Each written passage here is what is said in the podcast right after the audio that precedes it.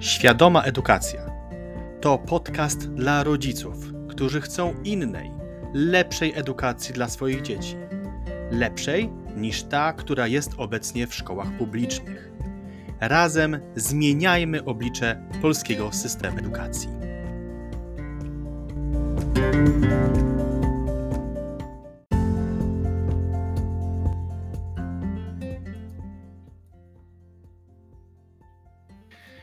Temat tego odcinka jest inny niż poprzednich, bo tam pokazywałem polski system edukacji, wytykałem błędy, dawałem recepty.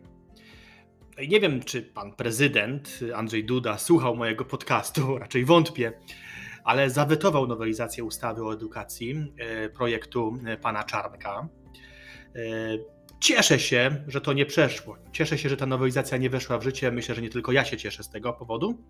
Niemniej to nie koniec batalii bo zapowiedziane są zmiany w postaci różnych rozporządzeń i wplątywania, bo wplatywania poszczególnych zapisów. Wplątywania to mm, takie przejęzyczenie, które chyba tutaj e, ma dobre znaczenie. E, poszczególnych zapisów tej ustawy do innych ustaw. Zatem trzeba być czujnym i patrzeć, co się dzieje. Tymczasem dzisiaj chciałbym trochę od innej strony popatrzeć na edukację, a właściwie bardziej na wychowanie. I to nie małych dzieci, ale nastolatków. Ten odcinek powstaje z doświadczenia, jakie miałem ostatnio po rozmowie z jednym z moich uczniów, którego osobiście uczyłem. Jak on był jeszcze taki mały, taki 7-8 lat, tak? a teraz jako nastolatek uczy się w grupie rówieśników prowadzonej przez e, mojego lektora oczywiście w mojej szkole językowej Infinity Kids. Ponieważ znam chłopaka od lat, myślałem, że to wystarczy, aby spokojnie porozmawiać z nim, jakoś znaleźć rozwiązanie problemu. Problemem jest, że chłopak na lekcjach po prostu ogólnie rzecz biorąc przeszkadza.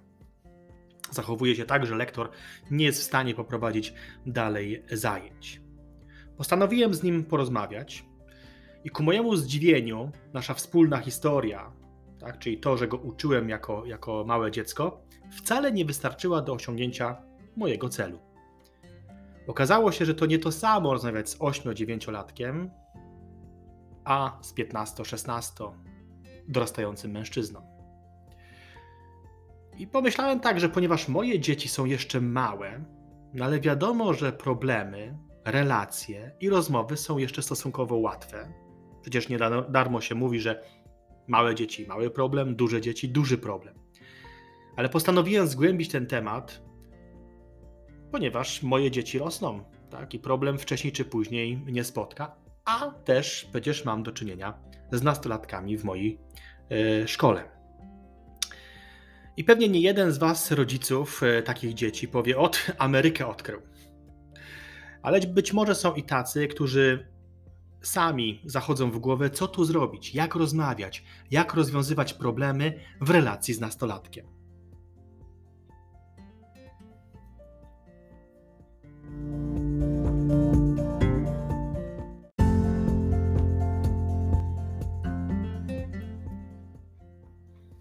Zanim przejdę do szczegółów, chcę podzielić się ponad wszystko refleksją, jaką usłyszałem od mojej ukochanej żony, która jak nikt świetnie rozumie relacje z dziećmi.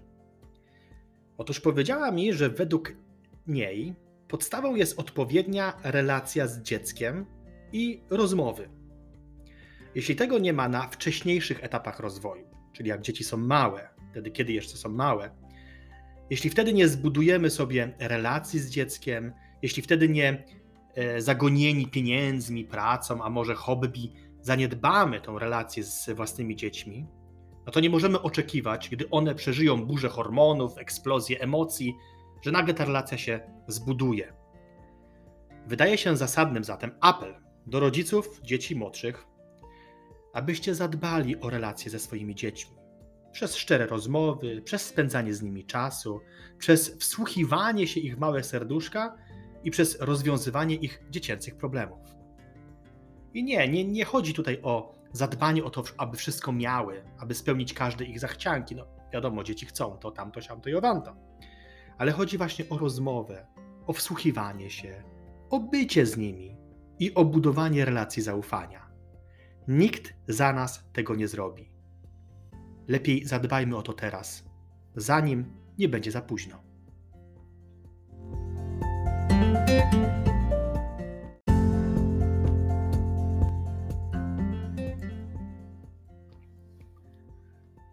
Jak rozmawiać z nastolatkiem? Najpierw kilka takich ogólnych wskazówek. Aby rozmawiać z nastolatkiem, ważne jest, aby pamiętać, że są to ludzie młodzi, którzy dopiero uczą się radzić ze swoimi emocjami i relacjami. Warto więc zachować cierpliwość i wysłuchać ich z uwagą. Pamiętajmy, że nastolatki przeżywają wiele zmian, zarówno fizycznych, można wymienić bez liku, ale każdy przecież wie, jak to wygląda, jak i emocjonalnych. Oj, tutaj to się dzieje bardzo wiele. Też wszyscy wiedzą. Dlatego często mogą być niezdecydowani albo niepewni. I to, co istotne, to aby pokazać im, że ich rozumiemy i ich akceptujemy. Starajmy się również unikać krytykowania czy oceniania ich, ponieważ może to prowadzić do wycofania się, a nawet agresji. Zamiast tego skupmy się na rozwiązywaniu problemów lub na tym, co możemy zrobić, aby pomóc. Bądźmy otwarci, szczerzy w naszych rozmowach z nastolatkiem, ale również pozwólmy im na to, aby mówili o swoich uczuciach i przeżyciach bez ciągłego im przerywania, wtrącania się. Słuchajmy uważnie, starajmy się zrozumieć perspektywę nastolatka, nawet jeśli ona się różni od naszej i może nam wydaje się być dziwna po prostu, niedojrzała, prawda? W końcu pamiętajmy, że każdy nastolatek jest inny.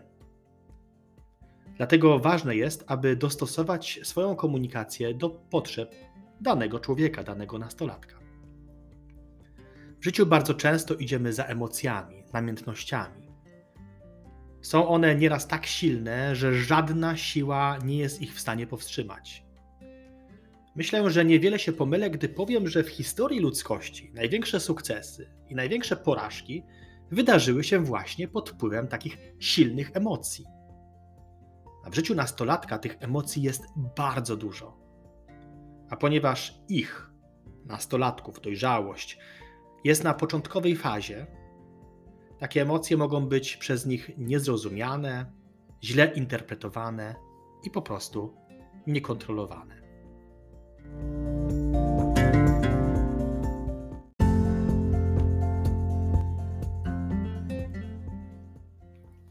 Jakie emocje doświadczają nastolatki?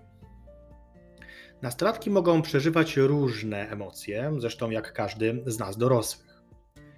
Choć, tak jak mówiłem wcześniej, te emocje mogą przekształcać się w bardzo nieprzewidywalne działania, ponieważ oni jeszcze ich nie znają, dopiero je poznają, dopiero e, uczą się tych emocji. A oto lista najważniejszych. Pierwsze to złość. Nastolatki mogą czuć się złe z powodu różnych sytuacji, takich jak konflikty z rodzicami, najczęściej rówieśnikami, czy też nauczycielami. Mogą też odczuwać złość ze względu na trudności związane po prostu z ich dojrzewaniem. Mogą odczuwać lęk, silny lęk. Nastolatki mogą czuć się zaniepokojone różnymi rzeczami, takimi jak egzaminy, kartkówki, testy, sprawdziany. No, Tutaj system edukacji nasz się kłania. Ale mogą też odczuwać lęk ze względu na relacje, tak jak na przykład zawody miłosne, prawda? Czy decyzje też dotyczące przyszłości, bo przecież oto młody człowiek w wieku 14-15 lat ma podjąć decyzję o szkole średniej, a potem o studiach, a przecież jest u progu życia, więc jak może o tym decydować? Dopiero my z perspektywy czasu widzimy, że nasze wybory niekoniecznie były poprawne. I u nich też to się może jeszcze 10 razy zmienić. Kolejną emocją jest smutek.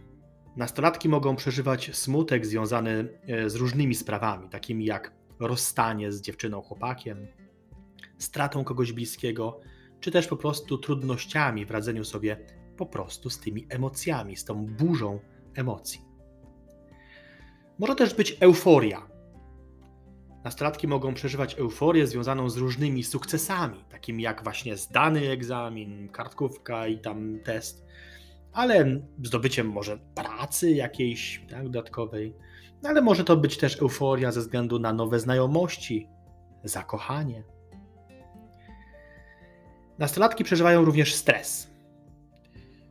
Mogą je odczuć, e, mogą być zestresowani e, ze względu na różne rzeczy, takimi jak właśnie trudność w nauce, presja rówieśników, o to szczególnie, czy też problemy rodzinne. Mogą odczuwać bezradność. Nastolatki mogą przeżywać poczucie bezradności związane z brakiem kontroli nad własnym życiem. No tak. Czy też brakiem rozwiązania tych problemów, szczególnie gdy mają zbyt duże, nie, przepraszam, gdy nie mają zbyt dużego wsparcia ze strony najbliższych. Mogą wreszcie odczuwać radość, zbliżoną do euforii, tak? Nastolatki mogą przeżywać radość związaną z różnymi sprawami, takimi jak nowe związki, znajomości, zainteresowania. No i te emocje mogą być bardzo, bardzo intensywne. Mogą być też zmienne. Jest nagle radość, później za chwileczkę smutek. Jeszcze się uczą radzić z nimi, kontrolować je. Warto więc wyrazić zrozumienie, wsparcie, pomóc im przetwarzać te emocje, nazywać je, nauczyć się z nimi radzić, radzić sobie lepiej. I z pewnością nie wolno nam ich bagatelizować stwierdzeniem na przykład, co ty tam wiesz o życiu. Oni nie potrzebują słuchać naszych frustracji. One potrzebują wysłuchania i wsparcia.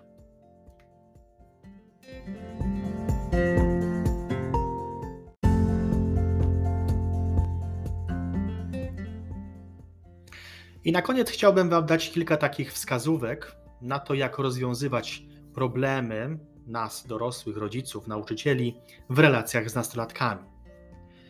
Nie ma wątpliwości, że ten okres w życiu, w życiu nastolatka, rodzi wiele konfliktów i napięć. No jeżeli jest tyle emocji, tyle hormonów, tyle różnych zawirowań wewnętrznych, to i są konflikty, i są napięcia. One powstają na linii między rówieśnikami, prawda, między sobą, ale chyba szczególnie też na linii rodzice-dziecko i nauczyciel-uczeń. Rozwiązywanie problemów w relacji z nastolatkami może być trudne, ale istnieją pewne sposoby, które mogą pomóc w rozładowaniu tych napięć. I oto kilka z nich. Po pierwsze, słuchajmy ich uważnie. Słuchanie to podstawa dobrej komunikacji. Starajmy się zrozumieć perspektywę nastolatka jego potrzeby. W ogóle słuchanie jest takie niedocenione. Nie na darmo mówi się, że mowa srebrem, a milczenie złotem. Ja w swoim życiu przeżyłem między innymi cały miesiąc milczenia.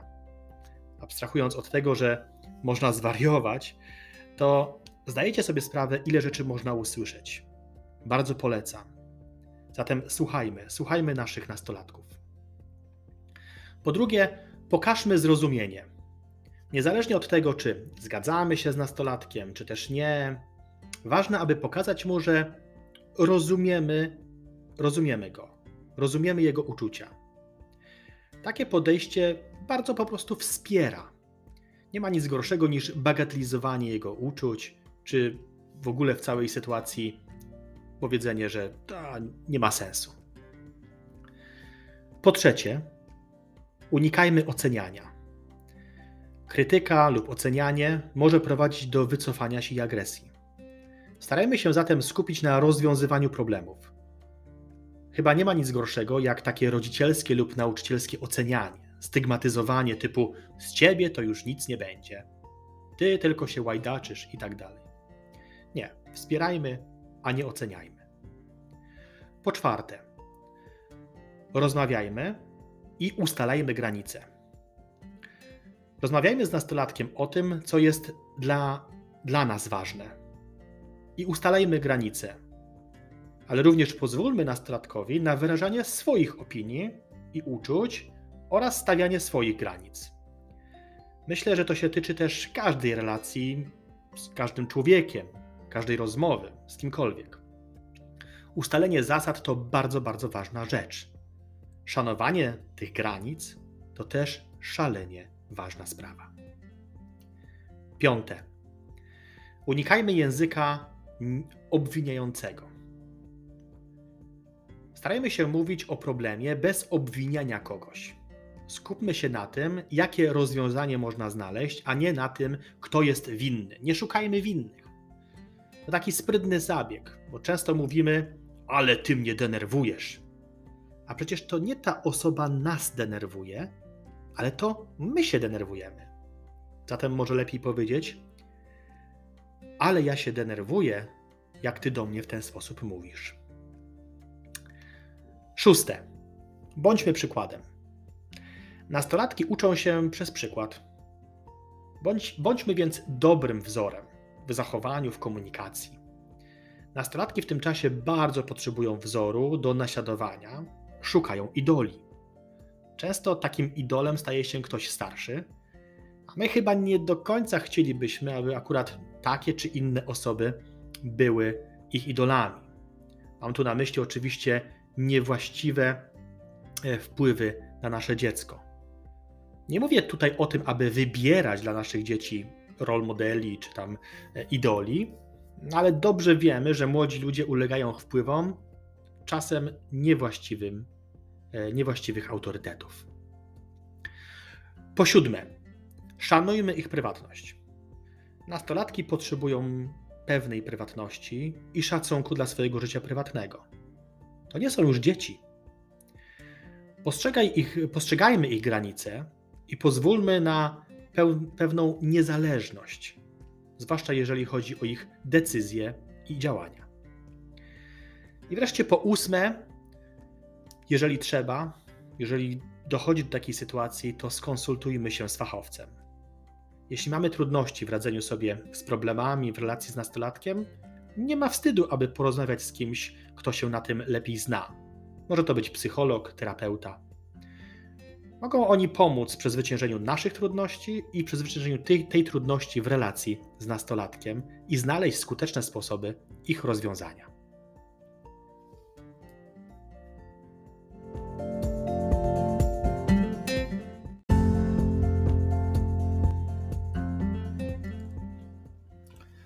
Mam nadzieję, że tych kilka propozycji, tyle kilka wskazówek ułatwi niejednemu rodzicowi i nauczycielowi nawiązywanie dialogu, nawiązanie dialogu ze swoim nastolatkiem. Wiem, przypuszczam, że nie jest to łatwe. Jeśli ktoś z Was nie ma takich problemów, no to tylko się cieszyć. Jeśli ktoś z Was miałby inne spostrzeżenia, co ważniejsze, jakieś inne podpowiedzi, e, wskazówki, nie wahajcie się zostawić komentarz, aby ktoś inny mógł skorzystać, może również ja. Choć ten dzisiejszy temat bezpośrednio nie mówi o edukacji, to jednak nie ma z tym bardzo dużo wspólnego, bo przecież wychowanie i edukacja idą w parze. Więc będąc świadomym możliwych problemów, możemy się też świadomie i dojrzale do nich przygotować. Tymczasem dbajcie o siebie i bądźcie świadomi edukacji i wychowania swoich dzieci.